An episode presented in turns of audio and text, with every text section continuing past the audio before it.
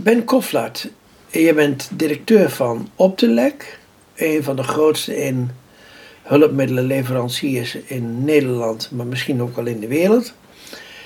Uh, plotseling was het twee jaar geleden coronatijd. En wat gebeurde er toen? Nou, dat was al. Uh, natuurlijk was het een landelijke crisis, maar voor ons bedrijf was dat ook uh, alle man hens aan dek. Want het viel samen met het begin van de CISO. Daar waren we nu de CISO-beurs. Beurs voor mensen met een visuele beperking. En die is toen ook afgelast, hè? Ja, die waren we aan het opbouwen, dus toen moesten we alles stoppen. uiteraard moest daar later ook de, de financiële afwikkeling uit voortkomen. En verder, uh, ja, dan hebben we natuurlijk mensen op de weg die bij de mensen thuis de hulpmiddelen gaat installeren. We hebben trainers die zelf visueel beperkt zijn, die de mensen thuis training gaan geven. Dus we, we, we kon dat doorgaan? Oh, ja. nou, dat kon niet meer doorgaan? Ja. Allereerst hebben we gezorgd dat alle mensen thuis een laptop hebben. Dus dan hebben we heel snel de mensen die nog geen laptop hadden van de computer voorzien. Zodat... je, je eigen werknemers bedoel je? Ja. Ja? Zodat ze vanuit het konden werken. Ja? met de buitendienst om die spullen te installeren, ja, daar zijn we een beetje creatief mee omgegaan. Dus we hebben uh, spullen uh, opgestuurd naar klanten en dan telefonisch uh, uitleg gegeven. Maar het is ook zo dat we bij mensen uitleg hebben gegeven, ook in de tuin of zo. Hè. Dus dat, we, ja, dat je dan in de open lucht staat, dat je het product in de tuin zet en dat je dan een beetje afstand bewaart en dan toch uitleg kan geven. Nou, zo zijn we eigenlijk allemaal een beetje zo stapje voor stapje verder gegaan. En dat geldt ook voor de trainers. Die wilden helemaal niet op pad, of die mochten ook niet op pad van ons. En uh, ja, die hebben dan zo goed als het kwaad ging. Door de telefoon of met, met, met Teams of zo. uitleg gegeven over het hulpmiddel. En dat allemaal op afstand. En eigenlijk ging dat best wel goed allemaal. We hebben best wel gewoon relatief aardig door kunnen werken. Dus het is heel creatief gewerkt. En ja. misschien hebben de meeste mensen daar ook nog wel een, een, hele leuke herinneringen aan. Dat ze in feite heel erg uh, hun best konden doen en, en, en, en creatief konden zijn. Ja, dat zeker. Zeker ook met uitbaas van hulpmiddelen. En in het begin was het ook nogal niet gelijk verdeeld over Nederland, waar de corona het meeste heerste.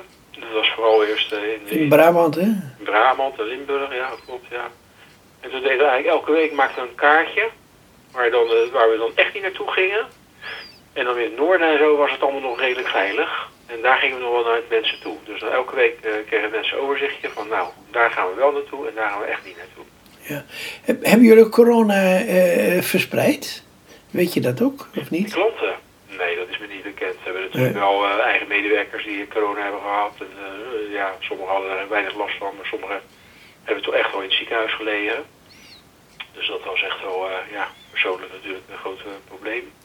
Maar je hebt in ieder geval mensen in dienst kunnen houden? Ja. En je hebt ze gewoon aan het werk kunnen houden? Dat, nee, dat is op zich al een hele prestatie. Dat is prima gegaan. En ik denk dat Nederland, uh, je zei net al een internationaal bedrijf, we hebben dat ook wel goed gedaan hier hoor, toch? Als je het ook vergelijkt met andere landen, daar was het toch wat meer nog, ja, dat, dat de creativiteit nog wat achterbleef, laat ik het zo zeggen. Dus we hebben toch zo goed en kwaad als het ging, hebben we het nog geprobeerd daar naar door te werken. Maar er waren echt landen die lagen echt helemaal volledig plat. Er gebeurde echt helemaal niks.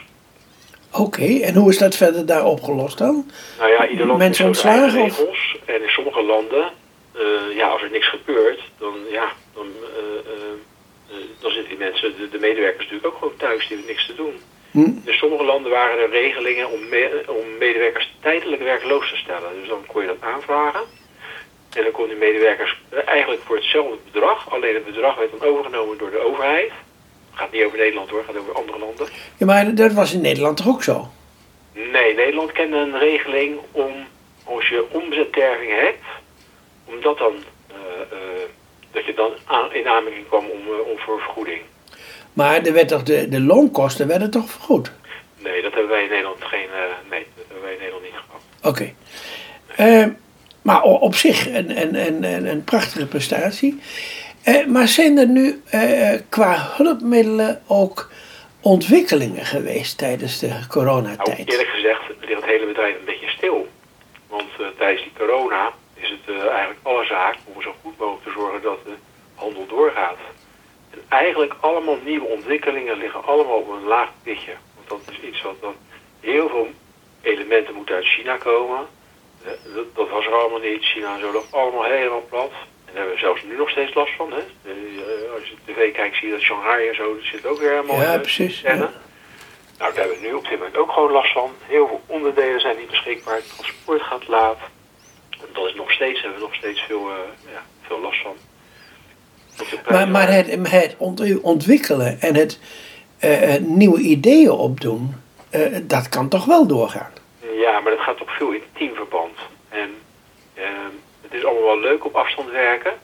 Maar als je bij elkaar bent, ben je een stuk creatiever dan als je op afstand bent. Ja, dat, die, die, die aha-erlevenis die komt door contact. Ja, ja Eigenlijk kun je zeggen. dan neem je wat meer tijd voor elkaar. Als je op afstand met elkaar praat, dan zijn het vaak ja, afgekaderde tijden. Dus dan heb je een onderwerp en dat wordt dan gewoon strak besproken. Maar als je bij elkaar bent, dan drink je ook nog eens een kopje koffie. En dan, heb je nog, eh, dan ga je eens een keer een beetje naar links en een beetje naar rechts. En dan komen er eigenlijk veel betere ideeën dan dat je allemaal in je eigen hokje op je zolderkamer zit.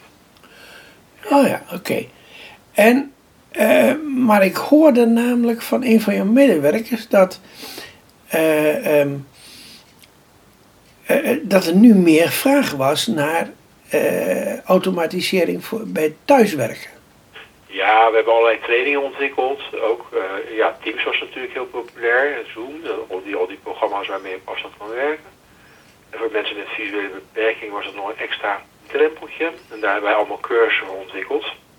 Wat, wat was daar het, eh, waren daar problemen mee? Of, of Nou, dat is allemaal lastig, hè. Voor, voor iedereen is het lastig om eh, nieuwe, nieuwe programma's te leren. Om, om te kijken wat alle mogelijkheden zijn.